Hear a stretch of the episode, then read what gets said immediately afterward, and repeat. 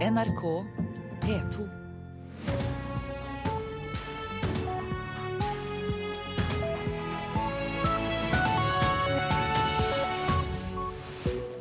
Øystein Heggen ønsker deg velkommen til Nyhetsmorgen. Vi har disse sakene. Det er uforståelig for folk i San Bernardino at de kan ha blitt utsatt for et terrorangrep. Vi skal straks snakke med vår USA-korrespondent som er i California. Mer om forelegg mot Uber-sjåfører får du her i Nyhetsmorgen. Økt arbeidsledighet fører til at flere gründere vil prøve seg.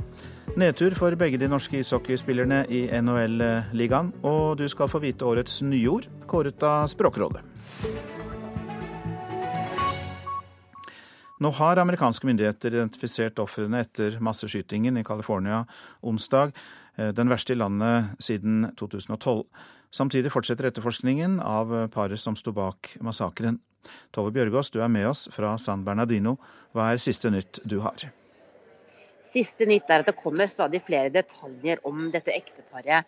Og om at de, trolig, altså de hadde så mye våpen og, bomber hjemme at man tror de har planlagt å utføre flere angrep. Det er også kommet flere opplysninger om eh, Tashfin Malik, kvinnen i ekteparet, som altså er var pakistansk statsborger kom til USA i 2013, og som enkelte terroreksperter her mener kanskje kan ha vært den mest radikaliserte. Det var altså hun som skjøt mot politiet eh, da de to ble pågrepet og, og drept etter denne voldsomme skyteepisoden. Og hun hadde altså en seks måneder gammel baby som de etterlot hos besteforeldrene før de dro ut for å gjennomføre dette angrepet. Ja, jeg sa jo innledningsvis at folk i San Bernardino knapt kan forstå det de har blitt utsatt for. Du var jo med på minnemarkeringen i går. Hvordan preger det lokalsamfunnet? Ja, Det var en minnemarkering her for et par timer siden eh, med flere tusen mennesker. Dette, dette, preger hele denne lille byen. Det bor rundt 200 000 mennesker her, men det er ikke så veldig mye i California.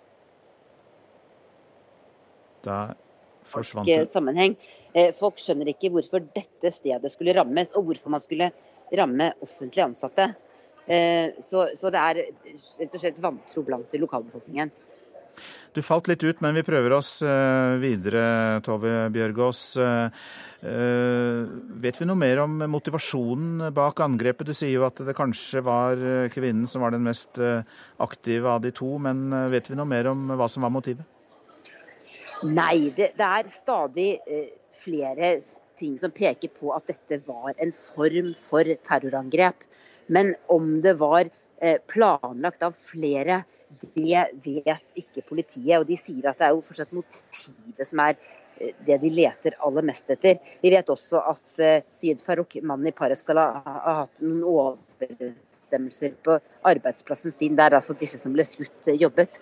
Men, men man tror altså at, at disse to hadde planlagt dette lenge, og at det kan virke som at det var et, et større eh, terrorangrep. Men, men, at det er IS som står bak, det er det ingen som tror her. De tror, man tror heller at det var et, et angrep som, som, disse to hadde planlagt i, i mindre skala. Og, og, det har også visse sider som, hvor det kan late til at det ikke var så veldig godt planlagt. Bl.a. den typen bomber de hadde tenkt å bruke. Mener terroreksperter er vanskelig å utløse, og de mener IS ville ha brukt en annen type sprengstoff. Takk skal du ha, Tove Bjørgaas, som altså var med oss fra San Bernardino i California. Ja, vi hørte det i Dagsnytt. For første gang i Norge så har tre Uber-sjåfører fått forelegg for å ha kjørt drosjetjeneste ulovlig. Den omstridte persontransporten har fått fotfeste i Oslo med over 10 000 brukere, men er av flere anmeldt for brudd på yrkestransportloven. Advokat Arne Valdemar Nilsen i trafikkseksjonen i Oslo politidistrikt sier at de ser på tjenesten Uber som piratvirksomhet. Vi har utstedt forelegg mot sjåfører som har kjørt passasjerer mot betaling ved bruk av en digital plattform, uten å ha løyve. Forelegget er på 8000 kroner, og ble denne uken utskrevet til tre Uber Pop-sjåfører som ble stoppet og avskiltet av politiet under en pirattaxiaksjon tidligere i høst. Nå får jeg tilbud om en tur. Uber Pop-sjåfør Kim Haagensen synes det er greit å bruke lunsjen til å tjene noen ekstra kroner. Men da vi satt på med han for et par uker siden, sa han at flere har blitt skremt etter aksjonene. Og så er det så mye forskjellige signal liksom, som kommer, om du er lovlig eller ikke. Så, så man vet ikke hva man Man ønsker ikke å bryte loven heller, da. Man gjør ikke det. Uber har på et år fått fotfeste i Oslo. Ifølge selskapet selv har godt over 10 000 personer lastet ned og bestilt turer med appen som kobler sammen kunde og sjåfør, men Uber er omstridt. Selskapet er anmeldt av både taxibransjen og Oslo kommune for å ulovlig drive en drosjesentral. Selv mener Uber at de opererer innenfor loven. Selskapet ville ikke kommentere denne saken fordi den handler om sjåførene, og ikke selskapet. Det er helt klart et setback. Det vil gjøre det vanskeligere for dem å rekruttere sjåfører i Norge. Eh, spørsmålet er i hvilken grad de klarer å fortsette som før. Sier forsker ved Transportøkonomisk institutt Jørgen Aarhaug. Han har fulgt utviklingen til Uber i Norge og internasjonalt, men tror ikke bøtene betyr slutten for Ubers vekst i Oslo. Internasjonalt så har de jo stort sett fortsatt som før når de har møtt den type hindringer fra regulerende myndigheter. Og holdningen har vært at man trekker litt på skuldrene av reguleringer, og så prøver å endre eller påvirke regelverket over tid og bli lovlig og bli, få en dominerende plass innenfor den nye eh, måten å organisere det på. Så du tror ikke dette er slutten for Uber i Norge? Jeg tror ikke det er slutten for Uber i Norge, med mindre det blir fulgt opp med mer eh, innsats fra politiets side. Og eventuelt ytterligere skjerpninger fra Samferdselsdepartementets side. Politiadvokat Arne Valdemar Nilsen sier boten er nok en bekreftelse på at myndighetene ser på Uber Pop som en ulovlig tjeneste. Han sier nå at ingen sjåfører kan føle seg trygge. Altså Det som man skal være klar over, er at alle som fører en bil, være seg om de kjører for Uber, Uber eller ikke, og tar opp passasjerer og får betaling for det, så kan man bli straffet. Reporter, det var Simon Skjelbostad Yseth. Ordene selfie, sakte-TV og fremmedkriger har de siste årene blitt kåret til årets nyord av Språkrådet. I år er det ikke et ord, men et uttrykk vi nordmenn, og kanskje særlig da politikere, har funnet på og brukt mer enn tidligere. Nå skjer det grønne skiftet for det grønne. De grønne. For det grønne skiftet. Med det grønne skiftet. Til det grønne skiftet. Det er det grønne skiftet. Grønne ting, er det jævlig viktig? Jeg vil at folk skal tjene penger på å gjøre noe grønt. Bruken av uttrykket 'det grønne skiftet' har kanskje eksplodert i media og i politiske debatter. Likevel var det ikke alle vi møtte på gata i Oslo som hadde fått med seg den grønne viraken. Jeg har ikke egentlig noe forhold til det uttrykket. Det er ikke mitt uh, vokabulær. Har du hørt det før? Nei, ikke egentlig. Er det en ny trend blant unge, eller er det eh, Mer resirkulering og mer miljørettferdig klima. Egentlig et veldig godt ord å starte 2016 med, syns jeg. Ja, Men det grønne skiftet er vel ikke nytt, det er jo noe vi skulle ha gjort for lenge, lenge siden. Videre på lista over årets nyord fra Språkrådet finner vi andre tema vi nordmenn har brydd oss mye om i år.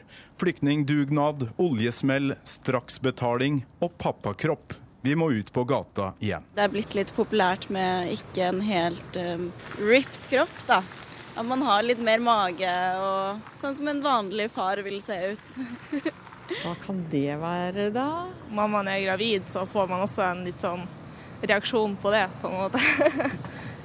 Språkrådet sin kåring av årets nyord tar utgangspunkt i det pressen skriver mye om. Folk på gata har sine egne forslag. Eh, veldig mange av mine venner har begynt å bruke sånne gamle ord, sånne retroord. Og et uh, ord de bruker mye er fjernsyn. Så det, kanskje det er det nye, liksom å ta tilbake gamle ord, jeg vet ikke. Netflix and chill.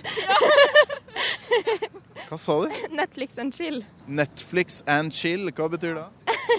det er egentlig en veldig dårlig kamuflert måte å si at man har lyst til å ta lakenleken med noen. Ja, Da fikk vi vite det, vi som ikke visste det på forhånd. Reporter Torkil, Torkil Torsvik, og hjertelig velkommen til Ole Kristian Våge. Takk. Du er seniorrådgiver i Språkrådet. Ja, vi fikk jo listet opp en del uh, nyord fra tidligere, og årets, som da er et uttrykk, nemlig det grønne skiftet. Hvorfor nettopp det?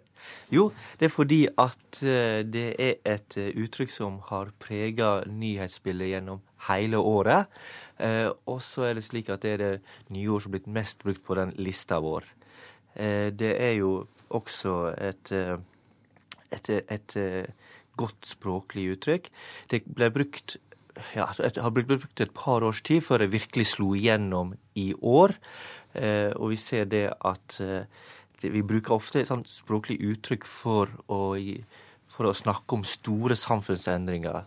For som f.eks. den industrielle revolusjonen, det store hamskiftet, og i neste uke er det vel aktuelt med Nobels fredspris og den arabiske våren.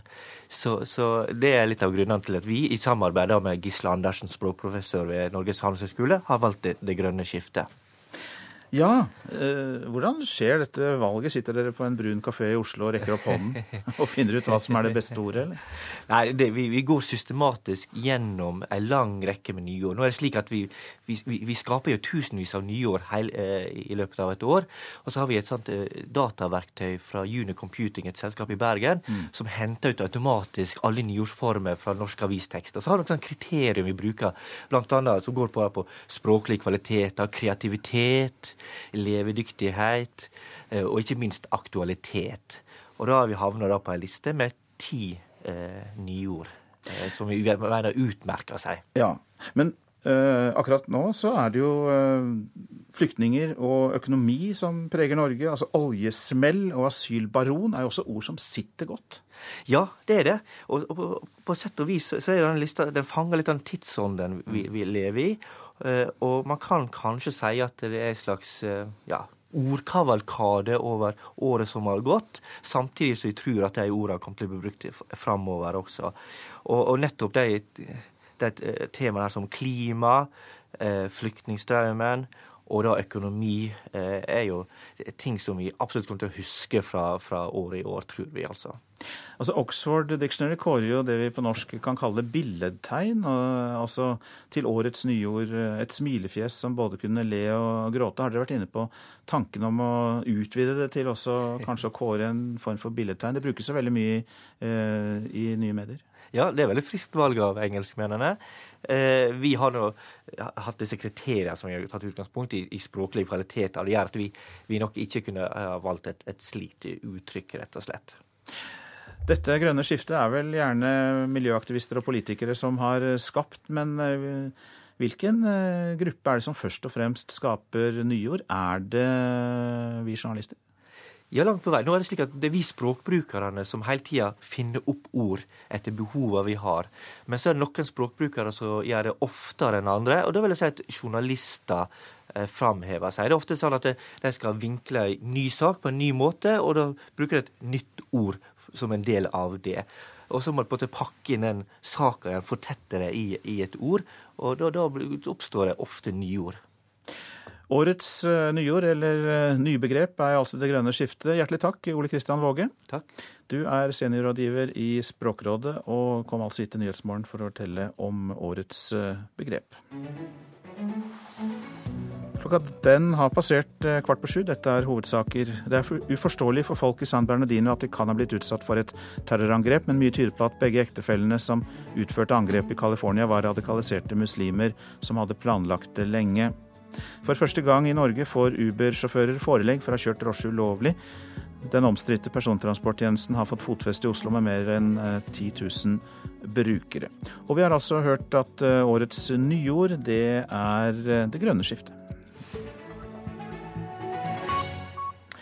Det som eh, skulle blitt et eh, norsk møte i eh, NHL i USA i natt, endte med nedtur for både Mats Zuccarello og Andreas Martinsen. Martinsen fikk ikke engang spille for Colorado Avalanche og måtte se lagkameratene slå Zuccarello og New York Rangers 2-1 fra tribunen. Og Zuccarellos Rangers har dermed tapt fem av de seks siste kampene.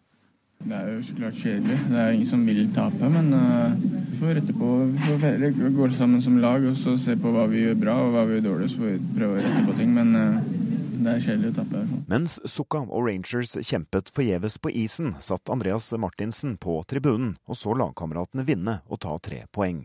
Martinsen synes selvsagt det var skuffende å ikke få spille. Det kribler veldig når du sitter oppe der og ser ned på isen. og Du vil jo ikke sitte på tribunen og se på sånne kamper. Du vil jo selvfølgelig være ute på isen og spille. så men sånn er det. Men livet for en fersk norsk proff i verdens beste ishockeyliga er tøft.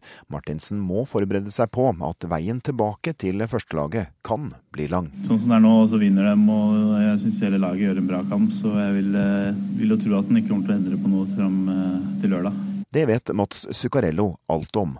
Han hadde også en tøff periode i starten av sin karriere i NHL. Det er bare å være klar når du får sjansen, men det tror jeg han har vært òg.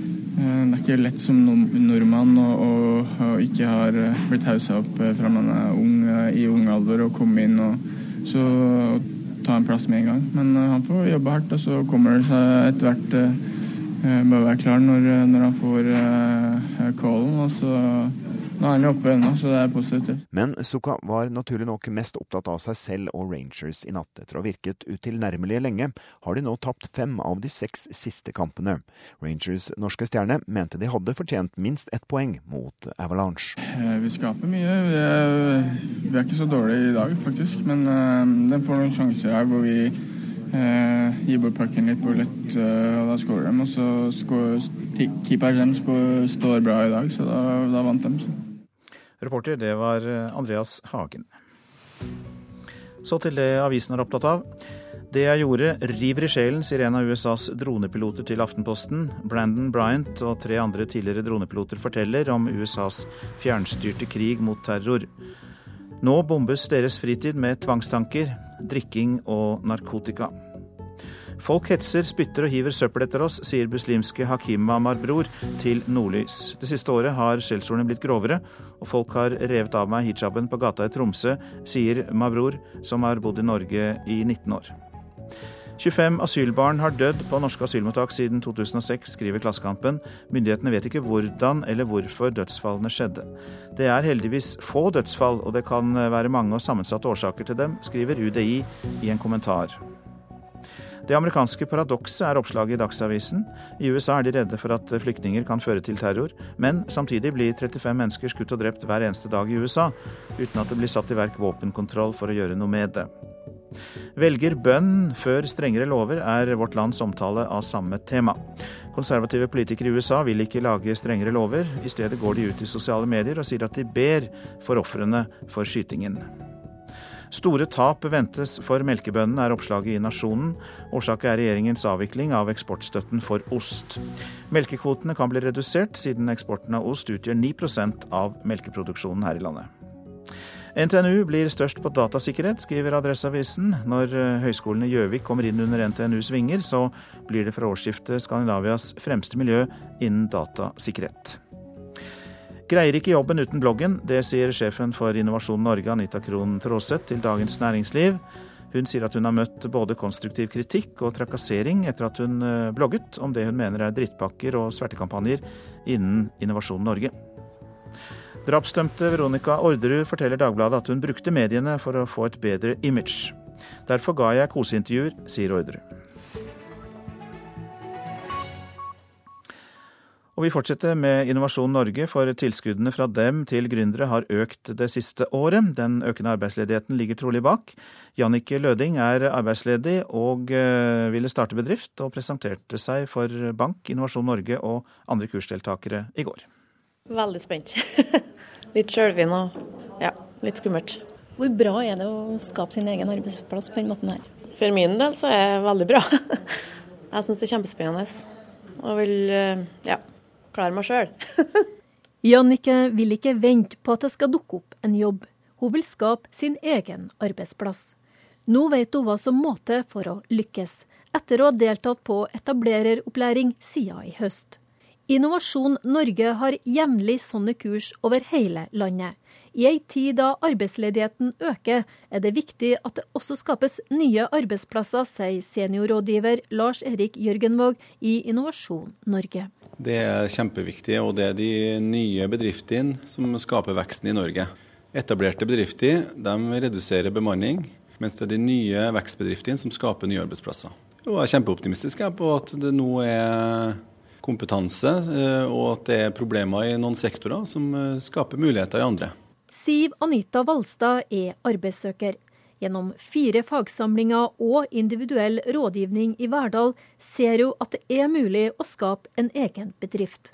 For i og med at jeg er en arbeidssøker og det er ikke noe lett å få seg arbeid her på Verdalen, så kanskje jeg må skape min egen arbeidsplass etter hvert. Og da syns jeg det at dette kurset har hjelper meg til det der. Det kommer an på personen som uh, står bak, egentlig. Du har trua og energien og har lyst til å gjøre noe nytt. Så tror jeg det kan, mye kan være mulig. Så skal Jannicke presentere sin forretningsmodell, som hun har jobba med siden kurset starta. Det er meg, Jannicke Løding. Jeg er 34 år. Har to versjoner på 8 og 9,5 år. Firmaet vil bli registrert som et AS i, på januar nå. Hun vil begynne sitt eget firma og bli stylist for at det skal bli lettere å selge leiligheter og boliger. Interiør er hobbyen hennes, og hun har nesten 12 000 følgere på Instagram. Hvor spennende er det å skape sin egen arbeidsplass i stedet for å søke på jobber? Det er veldig spennende. Det tar litt tid, det er veldig mye vi må gjennom. og det er mye utfordringer, mye opp- og nedturer, men det er veldig spennende. Og så har vi så godt tilbud på Verdalen, så det gjør det mye enklere. Økt interesse for å etablere sin egen bedrift og økte statlige bevilgninger gjør at Innovasjon Norge har bevilga hele 100 millioner kroner mer i etablerertilskudd til gründere i Norge så langt i år, sammenligna med i fjor, viser de siste tallene fra nå i desember. Seniorrådgiver i Leiv Eriksson Nyskapning, Bjørn Bratt, gir gründere gode råd på veien til å skape sin egen bedrift. Altså Arbeidsledigheten i seg det, det er jo en drivkraft for å, for å skape nye ting. Eh, samtidig så er det, eh, er det jo flere her som er i arbeid òg, som gjerne vil hoppe av og kanskje gjøre noe de brenner for allerede. Hva er det det viktigste som skal til for å lykkes? Det er det å ha et eh, godt team rundt seg. Sørge for å bruke de hjelpeapparatene og støtteapparatene som finnes. Og så må man selvsagt ha en god idé. Man må ut og snakke med kundene. Man må sjekke ut at uh, markedet er villig til å ta imot uh, både personen og, og, de produktene og tjenestene som blir tilbudt. Reporter her, det var Rita Kleven. Den siste tiden har flere kjente personer stått fram og snakket om at de har opplevd netthets. Denne økte åpenheten kan være med å hjelpe andre som også opplever netthets, tror forsker. I dag har hver tredje nordmann opplevd slik hets, viser forskningen.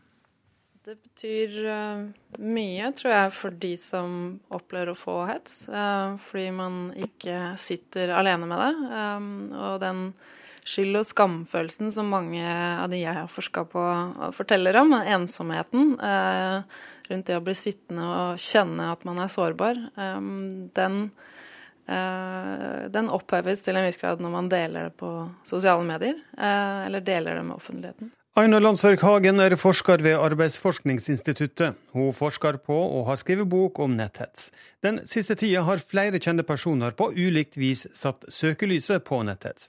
Carpe Diem ga ut en singel der store deler av teksten var henta fra kommentarfelt. Apekatter i min blokk og apebakker i min cockpit. Er det dette skattepengene mine går til? Paddy Njay og Kim Kardashian har valgt å vise fram og svare de som hetser.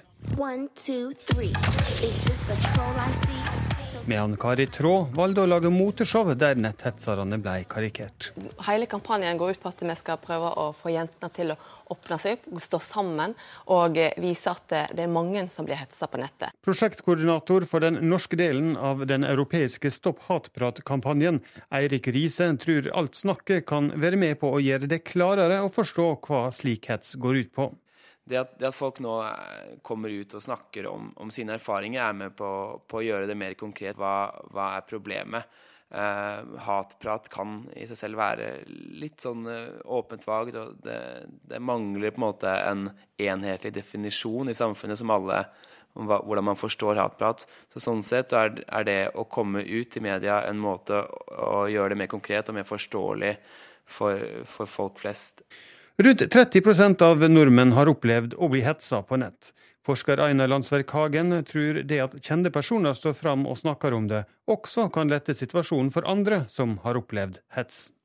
Jeg tror det har vært en utvikling de siste tre årene, eh, to-tre årene, hvor eh, flere og flere kommer fram med sin personlige historie, eh, som gjør det lettere for hver nye person som opplever det jeg tror også vi har fått en større bevissthet rundt at dette eh, at det med sexisme og rasisme er noe som eksisterer i vårt samfunn. Nå syns det på, på nett. Eh, vi kan ikke late som at vi er forbi det stadiet. Um, og det gjør det også lettere å vise fram de personlige angrepene som man får, fordi det er relevant for resten av samfunnet. Reporter her, det var Espen Alnes. Og nå værvarselet fram til i ettermiddag. Langfjella nordvestlig kuling, storm utsatte steder sør for Haukeli og snø. Fjellet i Sør-Norge unntatt Langfjella. Snø fra ettermiddag nordvestlig kuling. Og det, i kveld dreier vinden vest-sørvestlig. Østlandet på kysten sterk sørlig kuling. Regn, sludd og snø i indre og høyereliggende strøk. Telemark og Aust-Agder sørlig sterk kuling på kysten. Regn, sludd og snø i indre og høyereliggende strøk. Vest-Agder nordvestlig kuling, på kysten liten og til dels full storm. Lokalt sterke vindkast i innlandet. Det blir regn og snø i høyden. Så til Rogaland. Nordvest sterk kuling, kortvarig full storm på kysten sør for Obrestad og i fjellet. Hordaland nordlig liten kuling, i sør til dels sterk kuling utsatte steder. I formiddag minkende til vestlig liten kuling. Det blir regnbyger i Hordaland, snøbyger i indre og høyereliggende strøk. Sogn og Fjordane regnbyger, snøbyger i indre og høyereliggende strøk også der. Møre og Romsdal enkelte regnbyger og haglbyger i ytre strøk, ellers stort sett oppholdsvær. Trøndelag etter hvert regn fra sør, snø i indre og høyereliggende strøk. Det blir lite nedbør på kysten av Trøndelag. Helgeland, Saltfjell og Salten sørvestlig stiv kuling. Regnbyger i indre og høyereliggende strøk. Snøbyger. Ofoten, Lofoten, Vesterålen og Troms sørvestlig liten storm på kysten. Regnbyger i høyereliggende strøk snøbyger, og det er utrygt for torden i ytre strøk først på dagen. Så går vi til Finnmark. Sørvestlig stiv kuling utsatte steder. I vest opp til liten storm. Enkelte regnbyger eller sluddbyger i ytre strøk, ellers oppholdsvær. Temperaturer klokka fire. Svalbard lufthavn minus to. Kirkenes minus fem. Vardø minus én. Alta pluss én. Tromsø pluss tre. Bodø fire. Brønnøysund tre. Trondheim én. Molde fire. Bergen to. Stavanger og Kristiansand begge ni. Gardermoen minus én. Lillehammer minus fem. Røros minus elleve. Og Oslo-Blindern én plussgrad.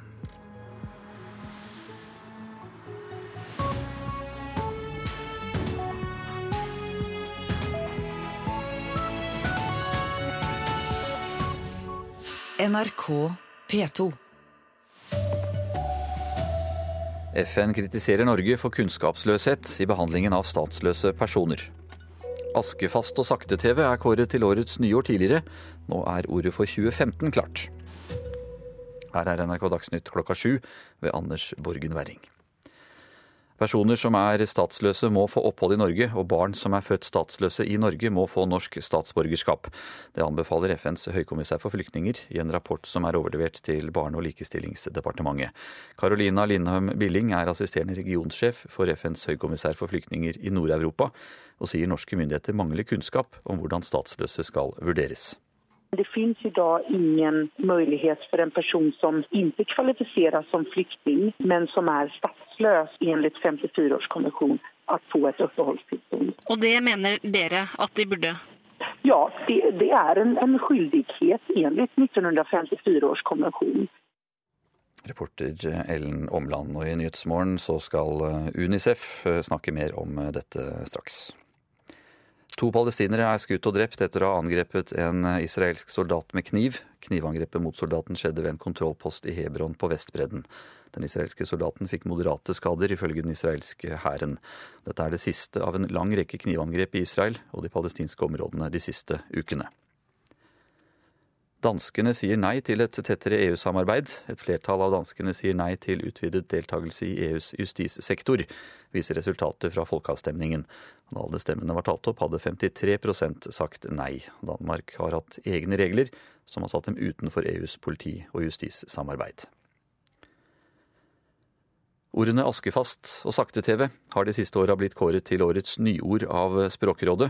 I år er det ikke et ord, men et uttrykk vi nordmenn, og kanskje særlig politikerne, har funnet på og brukt mer enn tidligere.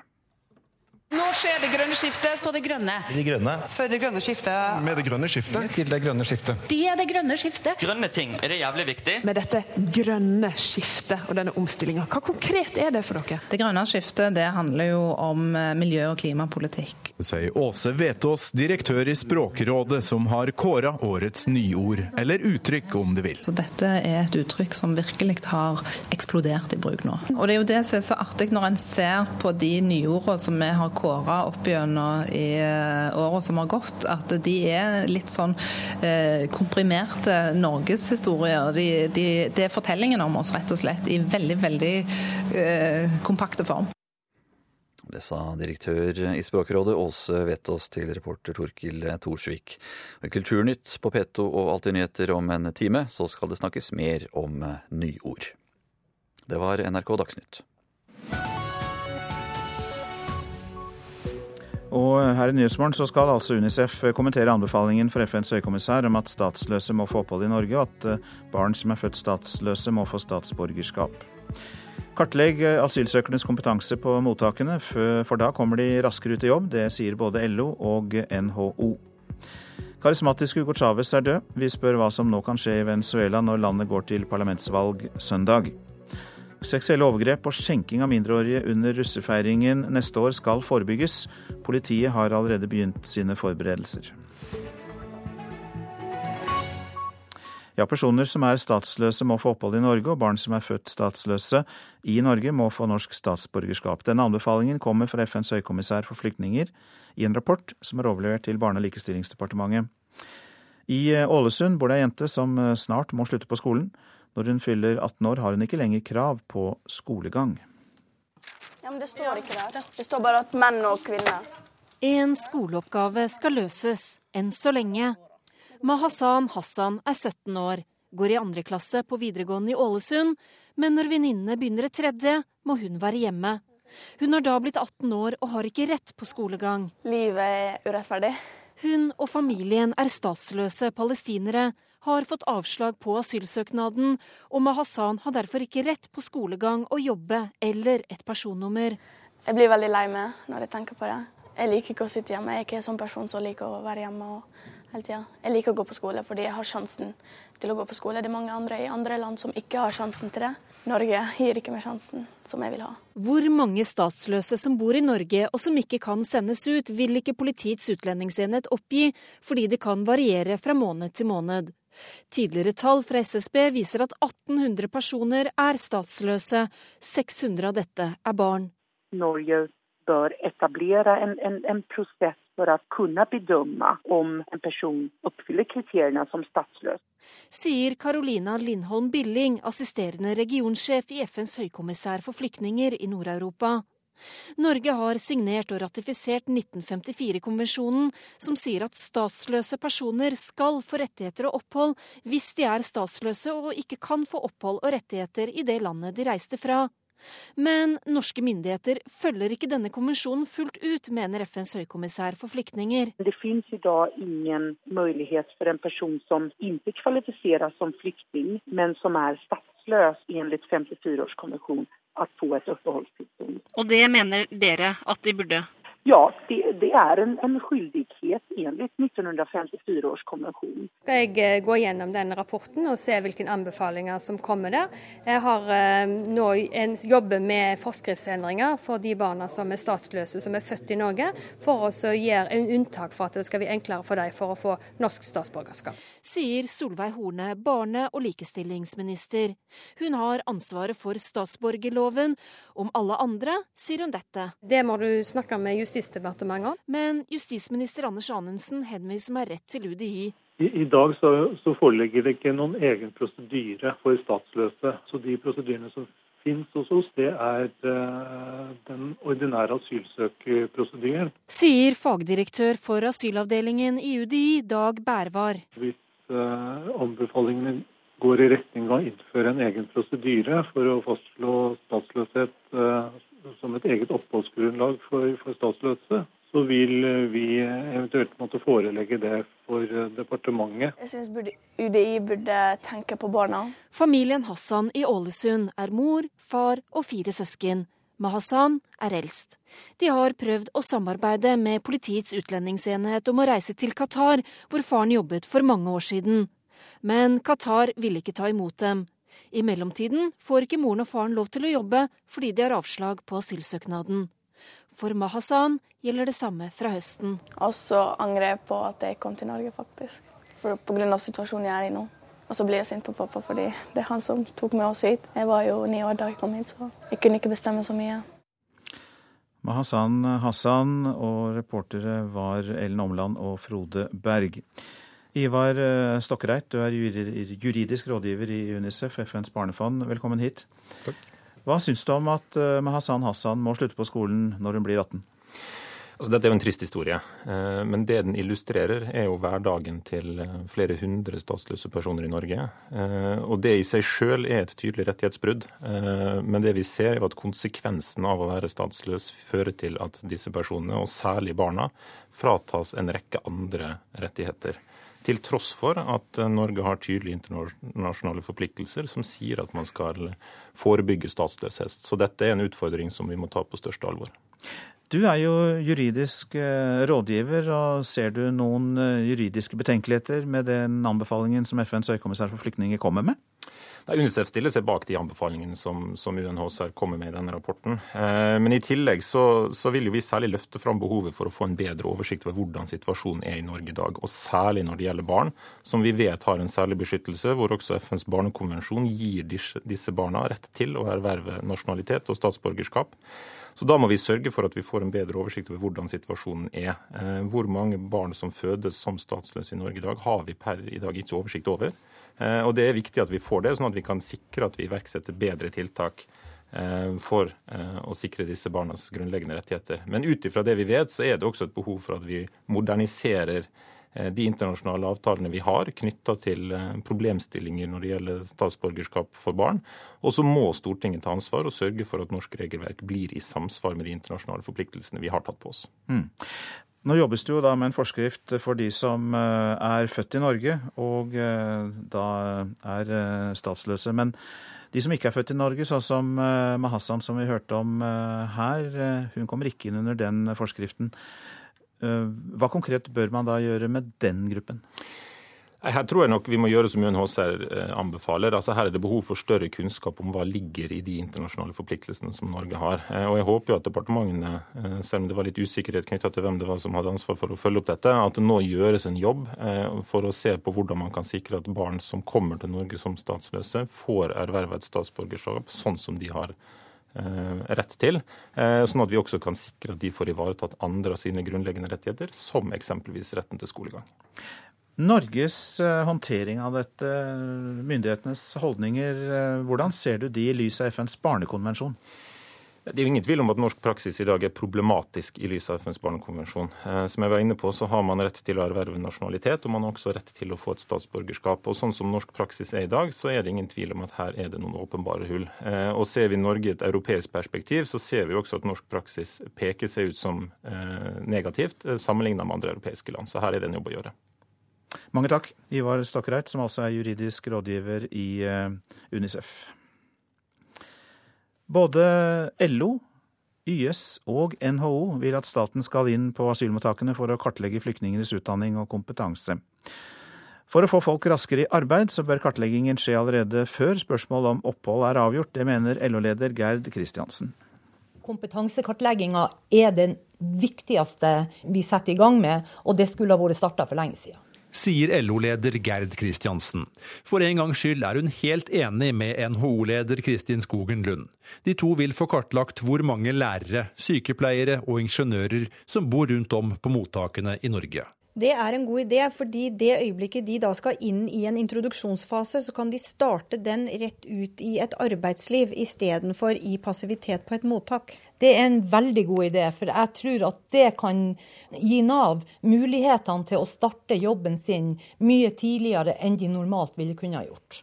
De to vil ikke vente med kartleggingen til det er avgjort om asylsøknaden blir innvilget. Det vil heller ikke YS-lederen Jorunn Berland. Hun har over 220 000 fagorganiserte i ryggen. Det som er viktig, det er at kompetansen deres blir kartlagt så tidlig som mulig. Eh, raskest mulig etter at de er, er kommet her.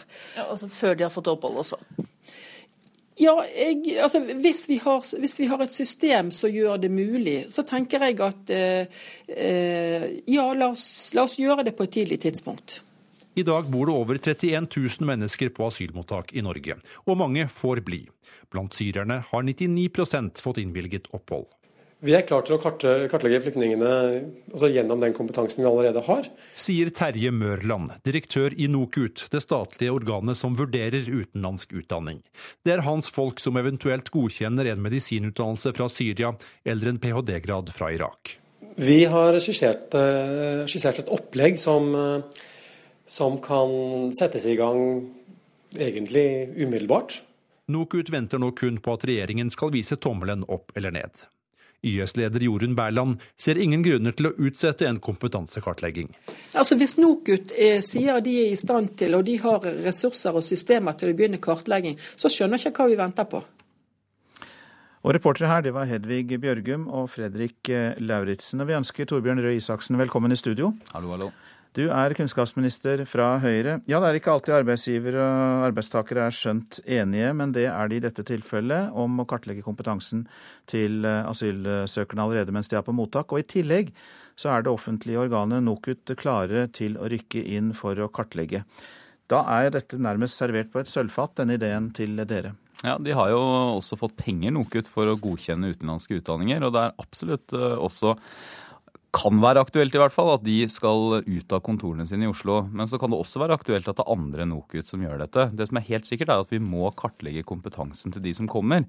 Normalt så er det jo utlendingsmyndighetene som i hvert fall har en sånn første grovkartlegging, men nå har de av veldig forståelige og veldig gode grunner vært mest opptatt av å få antall flyktninger ned, få sendt de som ikke har rett til opphold her, hjem. Eh, og Det betyr også at de ikke har hatt tid til å gjøre det like grundig som tidligere. Men så er jeg uenig med NHO og LO og YS når de sier at vi skal kartlegge før man har fått permanent opphold. Jeg syns nok vi skal konsentrere ressursene våre om de vi vet kommer til å bli i landet, ikke om de som eh, ikke skal ha opphold her permanent. Ja, men I Syria er det jo så avskyelige forhold, og vi vet jo da at 99% av syrerne får opphold i Norge. Så hvorfor i all verden skal vi gjøre som du sier og vente? Ja, det, kan, det, kan, være at for noen grupper så går det an å Hvis man, man skal starte opp en eh, kompetansekartlegging og få det i et system, så kan det hende man skal prioritere noen grupper eller noen land foran andre. Eh, men sånn forslaget har blitt presentert, så vil jo det innebære en generell kompetansekartlegging av alle, uavhengig av hvilke land de kommer fra. Og det er viktig å huske på at det er jo ikke slik at eh, flesteparten av de som kommer, altså veldig mange av de som kommer til Norge nå, er jo ikke fra Syria. Det er fra Irak, det er fra Afghanistan, det er fra Eritrea, det er fra en rekke andre land også. Og Derfor tror jeg det er en god idé å konsentrere ressursene om eh, de som er størst sjanse for at får opphold, og de vi vet skal bli. Og så må jeg også si at En kartlegging som vi da allerede før dette startet har gitt ekstra penger til å få godkjent utenlandske utdannelser som ligger inne i statsbudsjettet. Men en kartlegging er jo ikke verdt noe hvis ikke vi klarer å følge opp. Det aller viktigste også, neste steg er jo at man har et godt system for å fylle hullene i kompetansen. Hvis du f.eks. har en legeutdannelse, hva må du ta for å få den godkjent i Norge? Og ikke minst da for å gi ekstra utdannelse til de som kanskje ikke har noe særlig fra hjemlandet. Ja, det forstår vi. Altså, det hjelper jo ikke bare å si hva man kan og vil, men man må også finne en mulighet for å bruke den eh, kompetansen.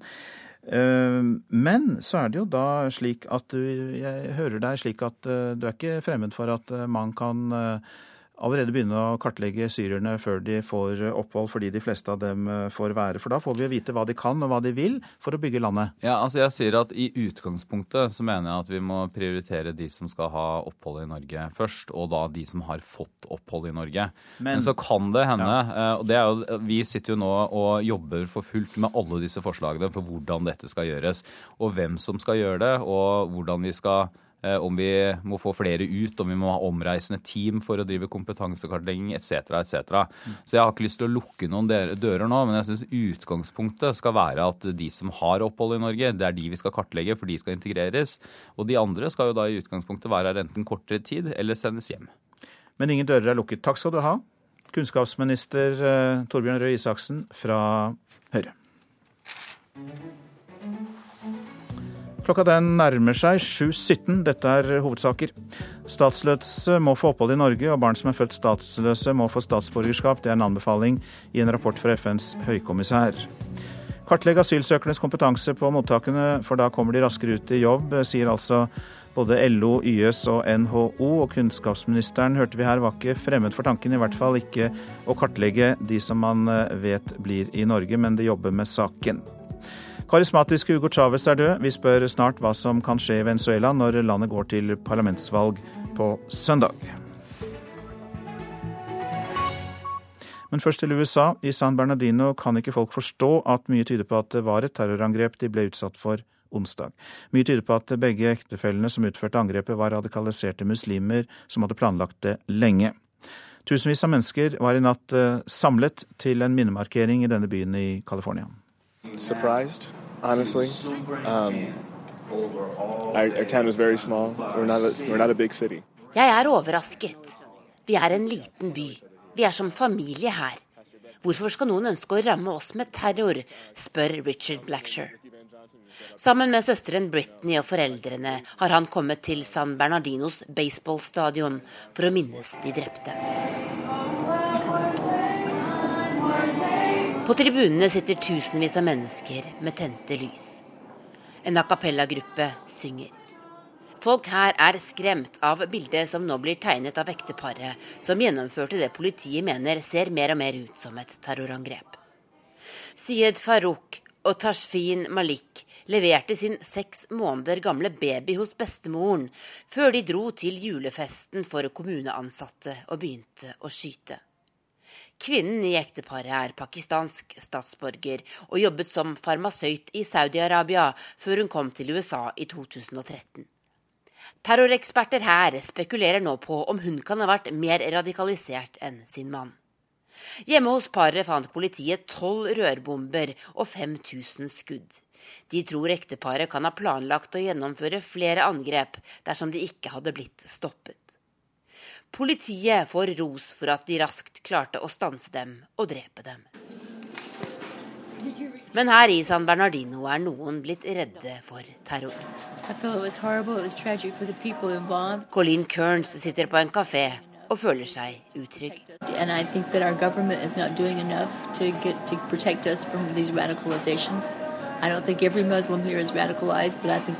Myndighetene gjør ikke nok for å beskytte oss mot radikaliserte muslimer, sier hun.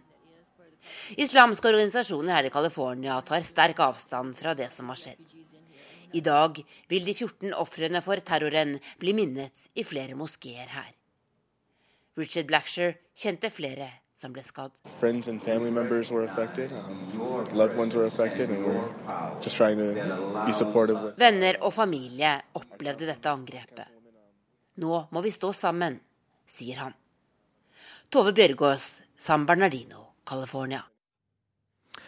Og en lærer som ble skadd under angrepet på Kronan skole i Trollhättan i Sverige for seks uker siden, er død. Det skriver Ekspressen. Den 42 år gamle læreren ble stukket med et sverd i magen av gjerningsmannen. En annen lærer og en elev ble drept under angrepet. Gjerningsmannen ble skutt og drept av eh, politiet. Et klart flertall av danskene sier nei til utvidet deltakelse i EUs justissektor, viser resultatet fra torsdagens folkeavstemning. Da 96,9% av stemmene var talt opp, så hadde nei-siden 53% oppslutning. Danmark eh, har hatt et såkalt rettsforbehold i EU, som har satt dem utenfor EUs politi- og justissamarbeid. Mer om dette i Politisk kvarter kvart på åtte. Nå til Venezuela, der det er valgt en ny nasjonalforsamling søndag. Meningsmålinger har vist at opposisjonen kan komme til å vinne over det regjerende sosialistpartiet, og dermed overta flertallet i nasjonalforsamlingen for første gang på om lag 15 år. Leiv eh, Marsteinsrede er eh, førsteamanuensis ved Latin-Amerikastudiene ved Universitetet i Oslo, og følger valget fra hovedstaden Caracas. Vel, Alle meningsmålingene viser at opposisjonen har en sterk og solid ledelse eh, på oppimot 20 eh, prosentpoeng. Så, så, hvert fall når det gjelder eh, folkeflertallet, så, så, tror jeg nok opposisjonen vil vinne. Det blir riktignok et spørsmål om, om de vil få flertall i parlamentet, fordi dette her er mange valg i enmannskretser, og her kan små variasjoner faktisk vippe også resultatet i, i regjeringens favør. Hvorfor har opposisjonen eh, vind i seilene etter så mange år eh, under sosialistpartiets eh, flertall? Det har å gjøre med den økonomiske situasjonen i Venezuela. I år så gjennomgår landet en ganske så stor krise. BNP faller med 10% i år. Man har en inflasjon på 200 Valutaen faller som en stein mot dollaren, og det er matkøer og mangel på varer og medisiner overalt. Og Folk har rett og slett mistet eh, mye kjøpekraft og er misfornøyde med situasjonen som den er i dag. Og eh, vil da eh, trolig begynne å stemme på opposisjonen. Men under sosialistenes ledelse og ikke minst avdøde president Hugo Chávez og etterfølger Nicolas Maduro, så har det jo vært innført mange sosiale programmer. Hva kan komme til å skje med dem hvis opposisjonen vinner? Ja, Det er et stort spørsmål. Eh, regjeringspartiet skremmer eh, velgerne, eller i hvert fall advarer velgerne om at eh, opposisjonen vil fjerne alle de sosiale reformene, gratis utdanning, gratis helsetjenester, dersom de skulle få flertall. Eh, men opposisjonspolitikere vi har snakket med, eh, påpeker at de ikke skal gjøre noen av disse tingene. De vil fortsette med, med de programmene som eh, Chávez og Maduro har innført. Men i realiteten så, så, er det kanskje ikke spørsmål om man skal fjerne de eller, eller beholde dem. Slik den økonomiske situasjonen er i dag, så, så lider alle disse reformene og sosiale tjenestene fordi eh, Venezuela for øyeblikket har ikke en økonomisk ryggrad til å, å bære disse reformene. Og mangel på medisiner f.eks. Eh, holder jo på å knekke helsevesenet her i landet. Så selv om det er gratis, så, så synker kvaliteten på de tjenestene som tilbys fra dag til dag. Leiv Marsteinstredet sa det, førsteamanuensis ved Universitetet i Oslo, som følger valget fra Caracas. Så til avisene. Det jeg gjorde, river i sjelen, sier en av USAs dronepiloter til Aftenposten. Brandon Bryant og tre andre tidligere dronepiloter forteller om USAs fjernstyrte krig mot terror. Nå bombes deres fritid med tvangstanker, drikking og narkotika, skriver avisa. Folk hetser, spytter og hiver søppel etter oss, sier muslimske Hakima Mabror til Nordlys. Det siste året har skjellsordene blitt grovere, og folk har revet av meg hijaben på gata i Tromsø, sier Mabror, som har bodd 19 år i Norge. 25 asylbarn har dødd på norske asylmottak siden 2006, skriver Klassekampen. Myndighetene vet ikke hvordan eller hvorfor dødsfallene skjedde. Men det er heldigvis få dødsfall, og det kan være mange og sammensatte årsaker. Det skriver UDI i en kommentar til avisa. Det amerikanske paradokset er oppslaget i Dagsavisen.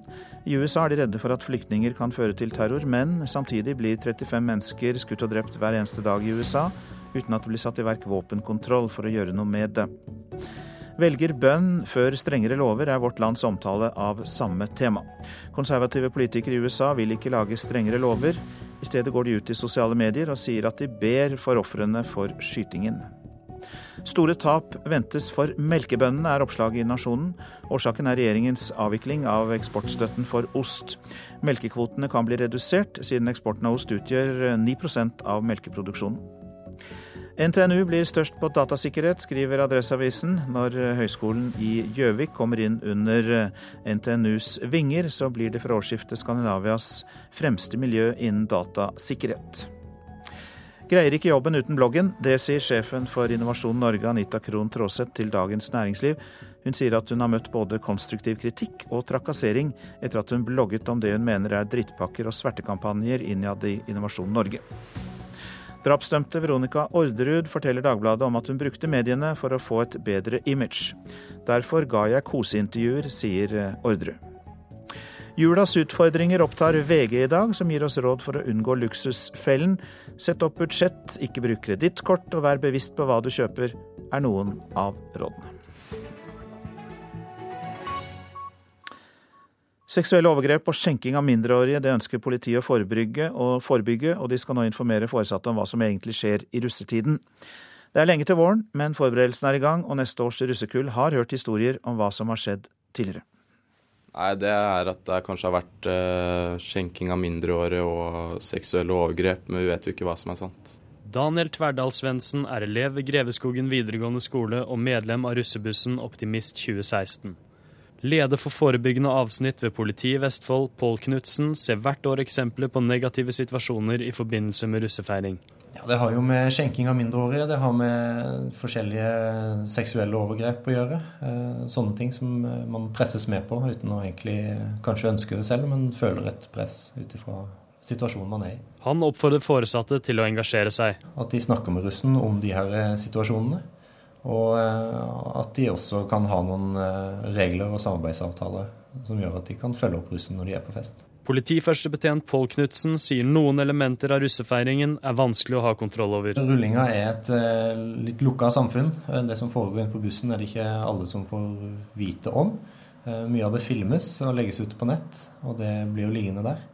Så vi ønsker at, eh, at, foreldre også er klar over det som skjer der inne. Vi også, skal også ha samtaler med eh, foreldre på tiende trinn i forhold til det samme, for vi ser at eh, de er helt nede i den alderen de er med på rulling. På Nøtterøy videregående skole ble det i november avholdt et møte der representanter fra skole, politi og kommune informerte russeforeldre om hva de har i vente. En av foreldrene som deltok på møtet var Tina Ramøy Åkvik. Hun mener bildet som ble tegnet ga en tankevekker. Vi fikk eh, konkret se med hvordan eh, våre barn oppfører seg i flokk. Eh, det med at man har makt når man har på seg russeklær.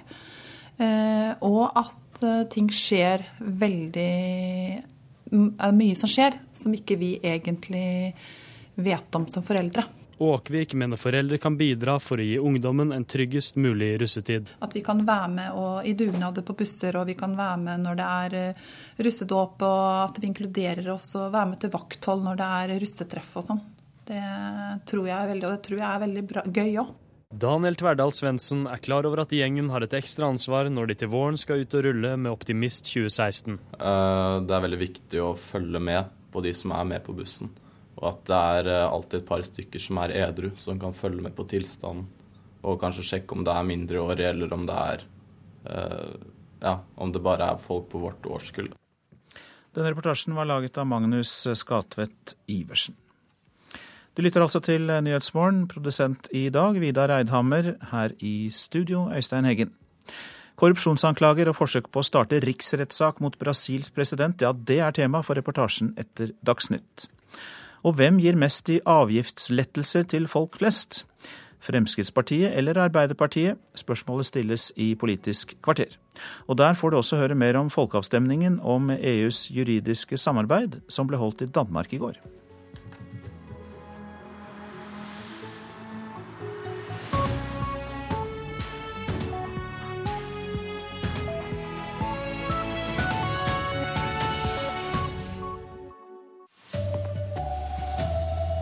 Norske regler gjør at palestinsk tenåring må slutte på skolen. Norge må ta mer ansvar for statsløse, mener FN. Flere tusen samlet til minnemarkering i natt etter massakren i California. Tidligere er selfie og sakte-TV kåret til årets nyord. Nå er ordet for 2015 klart. Her er NRK Dagsnytt klokka 7.30 ved Anders Borgen Werring. Personer som er statsløse må få opphold i Norge, og barn som er født statsløse i Norge må få norsk statsborgerskap. Det anbefaler FNs høykommissær for flyktninger i en rapport som er overlevert til Barne- og likestillingsdepartementet. I Ålesund bor ei jente som snart må slutte på skolen, for når hun fyller 18 år, har hun ikke lenger krav på skolegang. Ja, men Det står ikke der. Det står bare at menn og kvinner. En skoleoppgave skal løses, enn så lenge. Mahasan Hassan er 17 år går i andre klasse på videregående i Ålesund, men når venninnene begynner i tredje, må hun være hjemme. Hun har da blitt 18 år og har ikke rett på skolegang. Livet er urettferdig.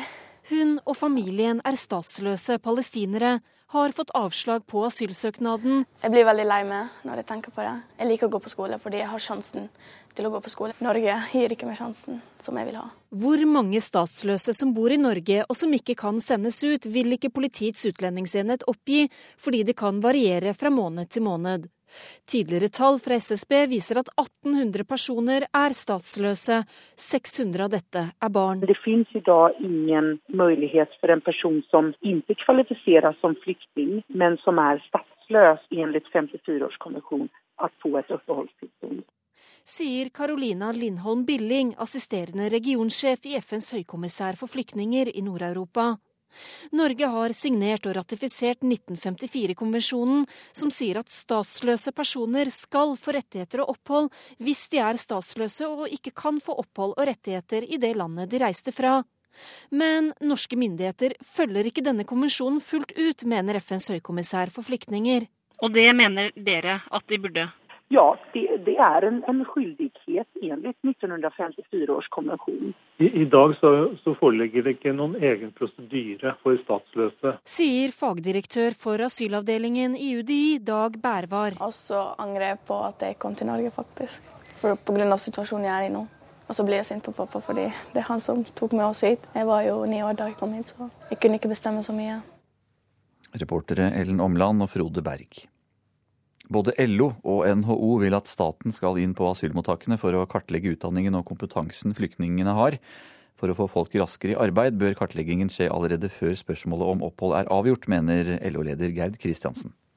Kompetansekartlegginga er den viktigste vi setter i gang med, og det skulle ha vært starta for lenge siden. Sier LO-leder Gerd Kristiansen. For en gangs skyld er hun helt enig med NHO-leder Kristin Skogen Lund. De to vil få kartlagt hvor mange lærere, sykepleiere og ingeniører som bor rundt om på mottakene i Norge. Det er en god idé, fordi det øyeblikket de da skal inn i en introduksjonsfase, så kan de starte den rett ut i et arbeidsliv istedenfor i passivitet på et mottak. Det er en veldig god idé, for jeg tror at det kan gi Nav mulighetene til å starte jobben sin mye tidligere enn de normalt ville kunne ha gjort. I dag bor det over 31 000 mennesker på asylmottak i Norge, og mange får bli. Blant syrerne har 99% fått innvilget opphold. Vi er klare til å kartlegge flyktningene altså gjennom den kompetansen vi allerede har. Sier Terje Mørland, direktør i NOKUT, det statlige organet som vurderer utenlandsk utdanning. Det er hans folk som eventuelt godkjenner en medisinutdannelse fra Syria eller en ph.d.-grad fra Irak. Vi har skissert, eh, skissert et opplegg som, eh, som kan settes i gang egentlig umiddelbart. Målet er å koble eh, kompetansen som innvandrere tar med seg, med de kompetansebehovene som finnes regionalt. Reportere her var Hedvig Bjørgum og Fredrik Lauritzen. Folk i San Bernardino i USA er sjokkerte over at massakren tidligere denne uka trolig var et planlagt terrorangrep. Politiet tror ekteparet som utførte angrepet var radikaliserte muslimer som hadde planlagt det lenge. I natt var tusenvis av mennesker samlet til minnemarkering. surprised, honestly. Um, our, our town is very small. We're not a, we're not a big city. Jeg er overrasket. Vi er en liten by. Vi er som familie her. Hvorfor skal noen ønske å ramme oss med terror, spør Richard Blacksher. Sammen med søsteren Britney og foreldrene har han kommet til San Bernardinos baseballstadion for å minnes de drepte. På tribunene sitter tusenvis av mennesker med tente lys. En a cappella-gruppe synger. Folk her er skremt av bildet som nå blir tegnet av ekteparet som gjennomførte det politiet mener ser mer og mer ut som et terrorangrep. Syed Farouk og Tashfin Malik leverte sin seks måneder gamle baby hos bestemoren før de dro til julefesten for kommuneansatte og begynte å skyte. Tove Bjørgaas, San Bernardino. California. For første gang i Norge så har tre Uber-sjåfører fått forelegg for å ha kjørt drosjetjenester ulovlig. Den omstridte persontransporttjenesten har fått fotfeste i Oslo med over 10 000 brukere, men er av flere anmeldt for brudd på yrkestransportloven.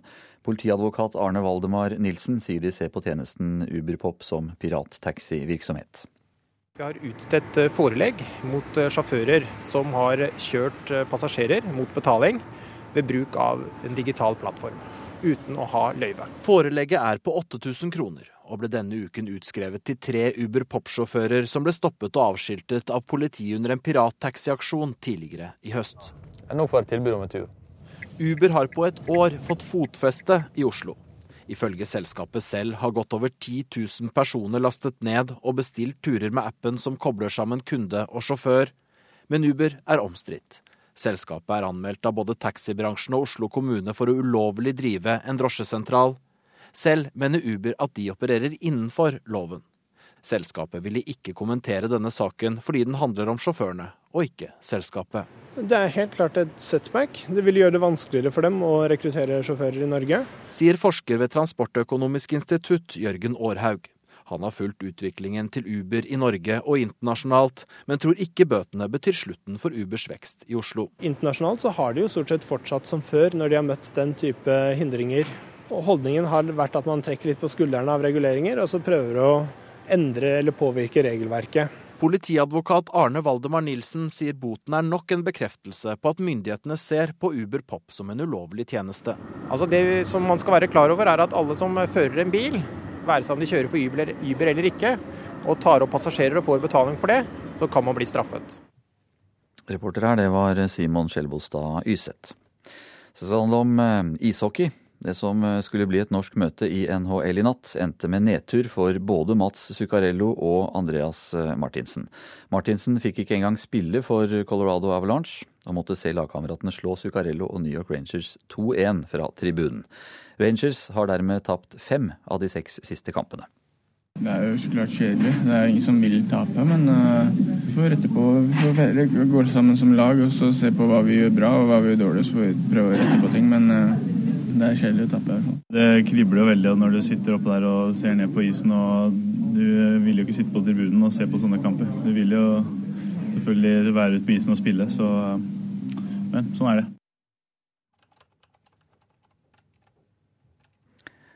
Ordene selfie, sakte-TV og fremmedkriger har de siste åra blitt kåret til årets nyord av Språkrådet. I år er det ikke et ord, men et uttrykk vi nordmenn, og kanskje særlig politikerne, har funnet på og brukt mer enn tidligere. Nå skjer det grønne skiftet på det grønne. De grønne. For det grønne skiftet. Med det grønne skiftet. Til det grønne skiftet. Det er det grønne skiftet. Grønne ting, er det jævlig viktig? Med dette grønne skiftet og denne omstillinga, hva konkret er det for dere? Det grønne skiftet det handler jo om eh, miljø- og klimapolitikk. Sier Åse Vetås, direktør i Språkrådet, som har kåra årets nyord, eller uttrykk om du vil. Så dette er et uttrykk som virkelig har eksplodert i bruk nå. Jeg vil at folk skal tjene penger på å gjøre noe grønt. Bruken av uttrykket 'det grønne skiftet' har kanskje eksplodert i media og i politiske debatter. Likevel var det ikke alle vi møtte på gata i Oslo som hadde fått med seg den grønne viraken. Jeg har ikke egentlig noe forhold til det uttrykket. Det er ikke mitt hvert fall. Har du hørt det før? Nei, ikke egentlig. Er det en ny trend blant unge, eller er det eh, Mer resirkulering og mer miljørettferdig klima. Egentlig et veldig godt ord å starte 2016 med, syns jeg. Ja, Men det grønne skiftet er vel ikke nytt, det er jo noe vi skulle ha gjort for lenge, lenge siden. Reporter her, det var Torkil Thorsvik. Og det skal snakkes mer om nyord i Kulturnytt på NRK P2 og NRK Alltid nyheter klokka åtte. Ansvarlig for Dagsnytt i dag, det er Arne Fossland.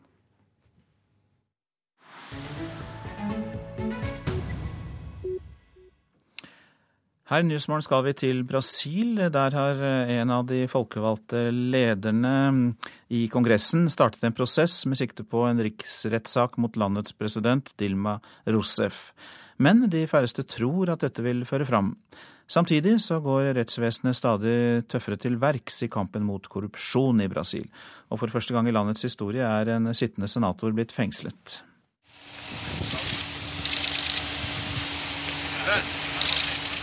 Selv brasilianerne, som er vant til det meste når det gjelder korrupsjon, trodde knapt det de så på TV-nyhetene for noen dager siden. To av landets mektigste menn blir ført i håndjern inn i politiets biler. Den ene heter Deosidio do Amaral og er parlamentarisk leder for regjeringspartiet PT i Brasils overhus. Den andre er André Esteves, leder for Brasils største investeringsbank, BTG Pactual, og en av landets rikeste menn. De to er siktet for å ha prøvd å bestikke et viktig vitne i forbindelse med Petrobras-skandalen, den største korrupsjonssaken i Brasils historie. Dommerne som har tatt beslutningen om pågripelse, sier de er trygge på bevisene de sitter med. Ikke engang de aller mektigste i dette landet står over loven, fastslår dommer Celso Gimello.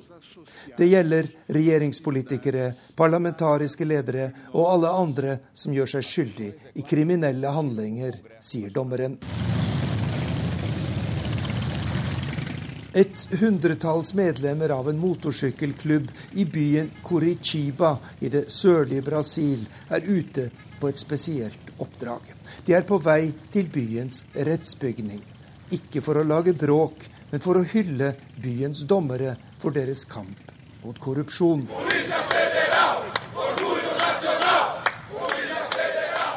Det føderale politiet er nasjonens stolthet, roper motorsykkelgjengen foran porten til justispalasset i Curitiba.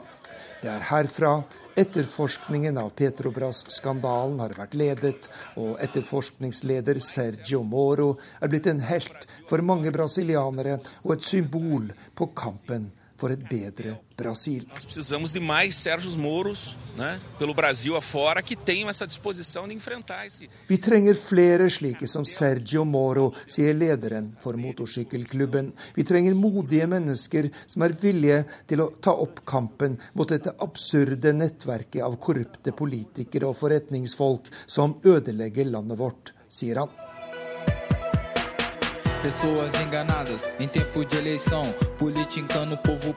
En brasiliansk rap-artist synger ut om sin fortvilelse over korrupsjonskulturen her i Brasil. Den finnes på alle nivåer, og den har dype røtter. Helt tilbake til den portugisiske kolonimakten. Men oppgjøret med landets mektige de siste månedene har gitt nytt håp. Også for mange norske forretningsfolk som har satset på Brasil.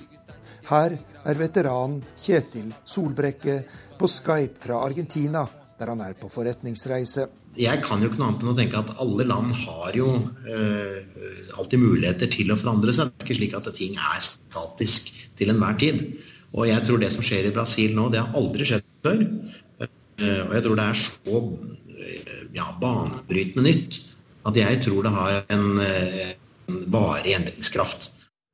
Ja, det sa Kjetil Solbrekke til reporter Arnt Stefansen. Du lytter til Nyhetsmorgen. Dette er hovedsaker. Statsløse må få opphold i Norge, og barn som er født statsløse må få statsborgerskap. Det er en anbefaling fra FNs høykommissær for flyktninger i en rapport til den norske regjeringen.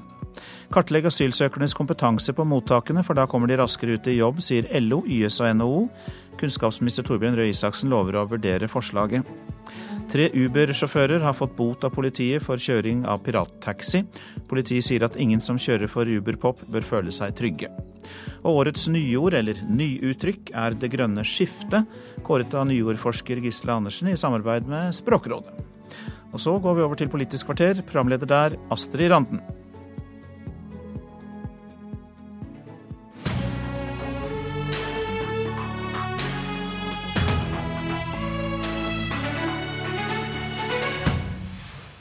Regjeringa er den nye avgiftsalliansen, hevder Arbeiderpartiet.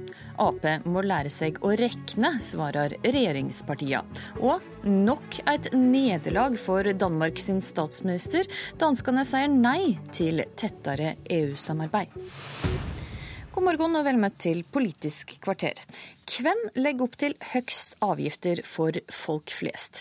Regjeringspartiet, som er tufta på å sette ned skatter og avgifter, Frp og deres samarbeidspartnere, eller Arbeiderpartiet? Dette har du rekna på, Marianne Martinsen, finanspolitisk talsperson i Arbeiderpartiet, og hva har du kommet fram til? Hmm. Nei, altså Avgiftsalliansen var en litt eh, humoristisk karakteristikk som oppsto da vi oppdaga at eh, neste år så stemmer faktisk eh, Høyre og Frp med, sine borgerlige alliansepartnere for et høyere avgiftsnivå i Norge enn det Arbeiderpartiet gjorde. Og Det var jo et resultat av det forliket som ble forhandla fram mellom de fire borgerlige partiene. Og differansen ligger på rundt 200 millioner kroner. Og så er det jo litt morsomt å se på at, eh, at, vi nok en gang har en situasjon hvor eh, forlikspartiene litt sånn i tolvte time kommer på en helt ny avgift som de ikke har oversikt over konsekvensene av, og som ingen vil ta ansvar for i offentligheten når den presenteres. Så, så dette er vi, vi, vi, regner nå med at det er slutt på all billig retorikk fra Frp og Høyre sin side om Arbeiderpartiet som det store avgiftspartiet i Norge. Men er du stolt av at Ap har mindre avgifter enn eh, regjeringa har? Det har ikke vært noe mål for oss, og vi ble faktisk litt overraska selv når vi regna sammen og så hvordan, eh, hvordan, dette ble seende ut. Eh, men det vi er opptatt av, det er å ha en god innretning på avgiftene våre. Vi har jo valgt i vårt avgiftsopplegg å legge opp til at det å det å slippe ut CO2 skal straffe seg i større grad enn i dag. Et reelt grønt skatteskifte. Og så ser vi at de borgerlige partiene prøver å fremstille sine egne avgiftsøkninger som det samme. Eh, men elavgiften eksempelvis, det kan være gode grunner for å øke den, vi stemmer ikke for det. Men, men det er jo en avgift stort sett på ren norsk vannkraft. Denne flyseteavgifta er ikke knytta til utslipp i det hele tatt. Så man stimulerer ikke til noen teknologiskifte gjennom den. Ok, Feil avgifter altså. Hans Andreas Limi, finanspolitisk talsperson i Frp. Det var vel ikke for å få kalle navnet Avgiftsalliansen at det gikk inn i regjering? Nei, det var det absolutt ikke. Og jeg syns egentlig det er en litt sånn morsom eh, finte fra Arbeiderpartiet. Fordi realitetene er eh, For det første sa jo ikke tallene som eh, Marianne Martinsen refererer til, helt korrekte.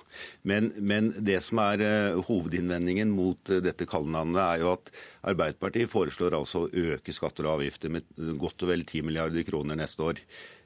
Mens Fremskrittspartiet og Høyre har jo bidratt til å redusere skatter og avgifter med Eh, hvis du tar med effekten av neste år, så er det altså på godt og vel 18 milliarder. Ja, så, så du mener at, at man må putte både skatt og ja, man må sammen? Og så er det viktig å presisere en ting til, og det er at i det forliket som Marianne Martinsen refererer til, Eh, så ble det lagt inn noen økte avgifter for å få eh, en avtale, men det ble også gitt en ekstra skattelette på 1 milliard kroner, som betyr at de med eh, lave og middels inntekter altså fikk en, en, skattelette som betyr noe. Så man må ta med både plusser og minuser, og i sum så er det et betydelig bedre opplegg for folk flest enn det Arbeiderpartiet har. Heidi, Heidi Nordby Lunde i finanskomiteen for Høyre, mener du Arbeiderpartiet har rett når de hevder at de har mindre avgifter enn det regjeringa legger opp til? Vel, Du startet vel eh, med å si at eh, Arbeiderpartiet det har de regnet på. Ifølge deres regnestykke eh, så, så, stemmer det at det er 200 millioner kroner mindre i avgifter enn det vi har.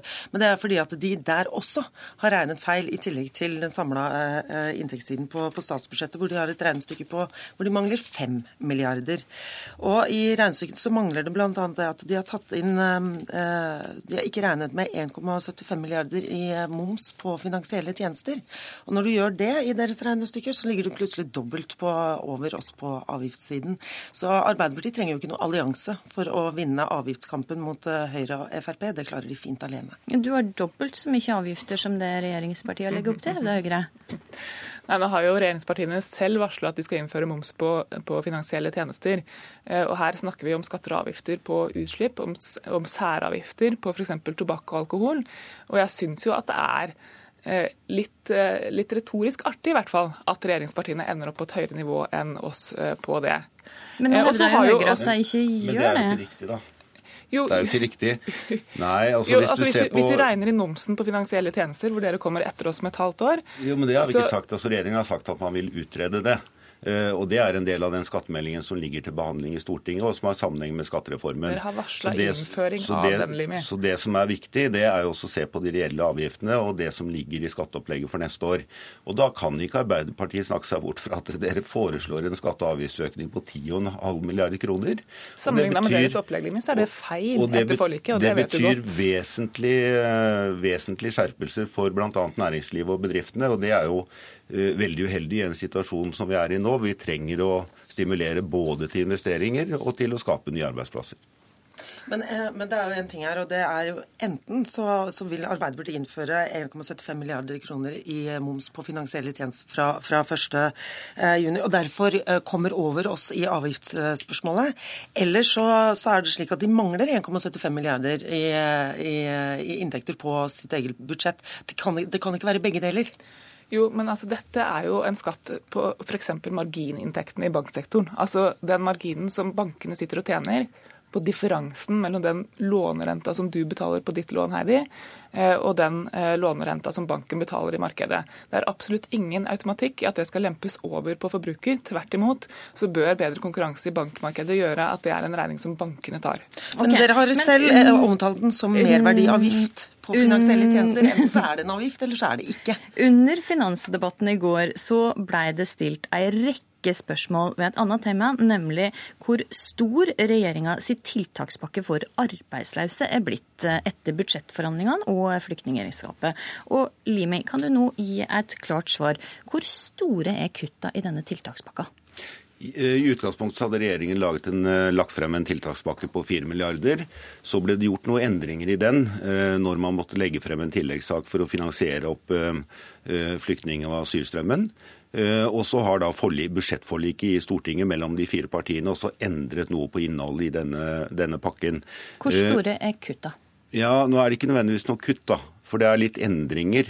Eh, slik at den sammensetningen av den tiltakspakken den ser litt annerledes ut nå enn den gjorde fra regjeringen.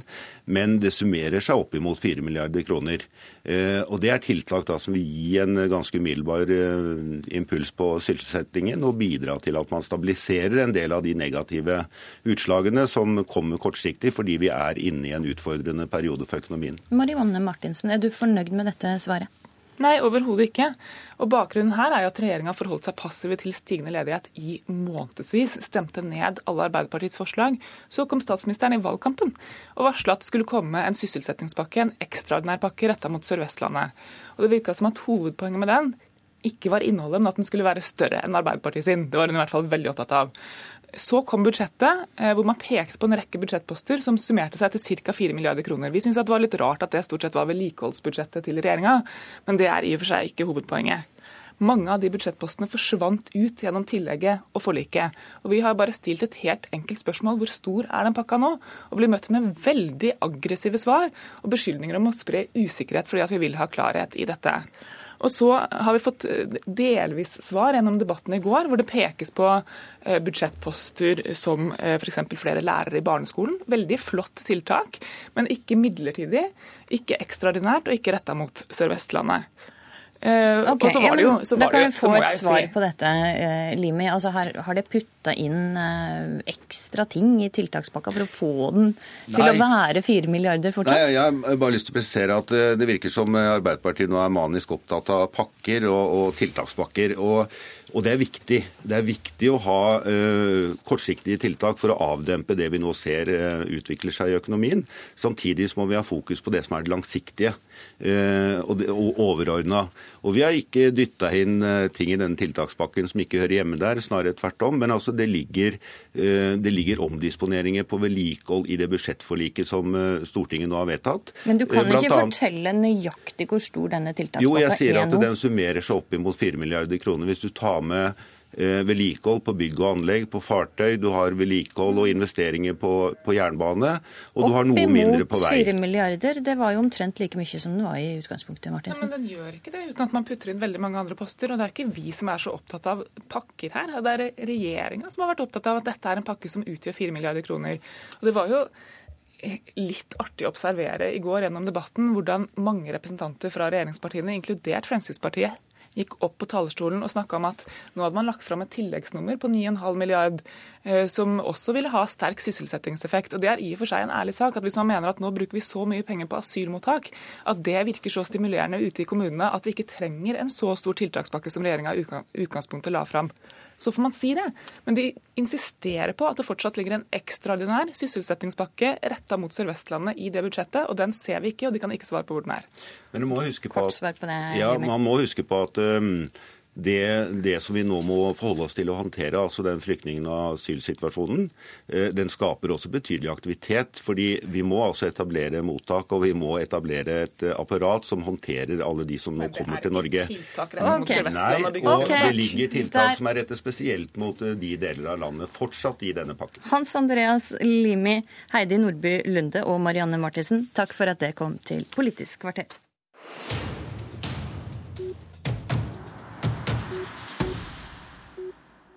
Massivt EU-nei fra danskene, djup mistillit til politikerne. Eh, Løkke fikk fuckfingeren. Sitata de er henta fra danske aviser i går. For i går hadde danskene folkeavstemning, og seint i går kveld kom resultatet. 53% stemte nei til utvida deltaking i EU sin justissektor. Og eh, Signe Bock Segård, du er forsker ved Institutt for samfunnsforskning og følger følger dansk politikk tett. Først så må du forklare hva betyr et nei i praksis for Danmark? Nei, det betyr i praksis at nå må Danmark ut og forhandle øh, med EU og EU-landene om å få lov til å gå inn i de delene av justisområdet som de ønsker å være med på. Og Det er i første omgang øh, Europol. Betyr det nå at danskene er ute av Europol, altså politisamarbeidet i Europol? Det vil de bli i løpet av det neste års tid hvis det ikke skjer noe. Fordi at Europol går fra å være et mellomstatslig samarbeid til å bli et overnasjonalt øh, samarbeid eller en institusjon. Og det er nettopp det som rettsforbeholdet, som ikke ble forkastet i går, gjør at Danmark ikke fortsetter i seg. Derfor må de ut i sånn, det man kaller parallellforhandlinger med EU-landene. Og Den danske statsministeren han ønska et ja i folkeavstemninga i går, men fikk det altså ikke som han ville. Hva betyr det for Løkke Rasmussen? Det betyder at nå har han litt hodepine i dag. Fordi at nå må han balansere den EU-skepsis som ble veldig tydelig i folkeavstemningen i går, med de hensyn som landet Danmark også må ta i forhold til EU. For det er klart at øh, alle partier, og det er litt paradoksalt, alle partier i Danmark er for at Danmark skal fortsette i Europol. Derfor må de faktisk finne en løsning på det. Og det er statsministerens oppgave å gjøre det. Så nå må han inngå samarbeide bredt i Folketinget i Danmark, også med eh, Dansk Folkeparti, Enhedslisten og Liberal Allianse, som stod for et nei i går. Og det trenger jo ikke bli så lett. Lederen for Dansk Folkeparti han har jobba for et nei, og sagt at et nei gjør det lettere for han å gå inn i regjeringa. Hvor aktuelt er egentlig det? Det er klart at han syns det vil bli lettere å gå inn i regjering, fordi nå har han folkets støtte bak seg. Jeg tror ikke at det blir aktuelt, for jeg tror ikke at uh, Lykke Rasmussen ønsker et reelt øh, jeg tror ikke han ønsker reelt at de skal gå inn i regjering på nåværende tidspunkt. Det blir for vanskelig. På, på stemmesedlene som danskene putta i urnene i går, så sto det forslag til lov om omdannelse av rettsforbeholdet til en tilvalgsordning. Det var altså dette man skulle si ja eller nei til. Tror du danskene forsto hva det var de faktisk stemte over? Det er klart, det var et veldig tett teknisk juridisk spørsmål som blir stilt til danskerne. Øh, samtidig så ser vi jo at valgdeltakelsen var ganske høy. 72% av de stemmeberettigede valgte å sette kryss i går. Øh, og det skyldes nok at spørsmålet på mange områder ble reist som et spørsmål om suverenitetsavgivelse. Og der er danskerne skeptiske. Og derfor ble de mobilisert til å sette kryss. Ja, og Betyr dette at EU-motstanden i Danmark øker? Nei, det kan vi ikke si. Øh, den øker ikke som sådan. Den har alltid vært der. Øh, helt sikkert. Den har alltid vært der. Mm. Signe Båg Segård, øh, tusen takk for at du kom til Politisk kvarter, slik at vi forhåpentligvis forsto litt mer av hva danskene stemte over i går. Og med det går Politisk kvarter mot slutten. Det var i studio i dag var Astrid Randen. Hør flere podkaster på nrk.no podkast.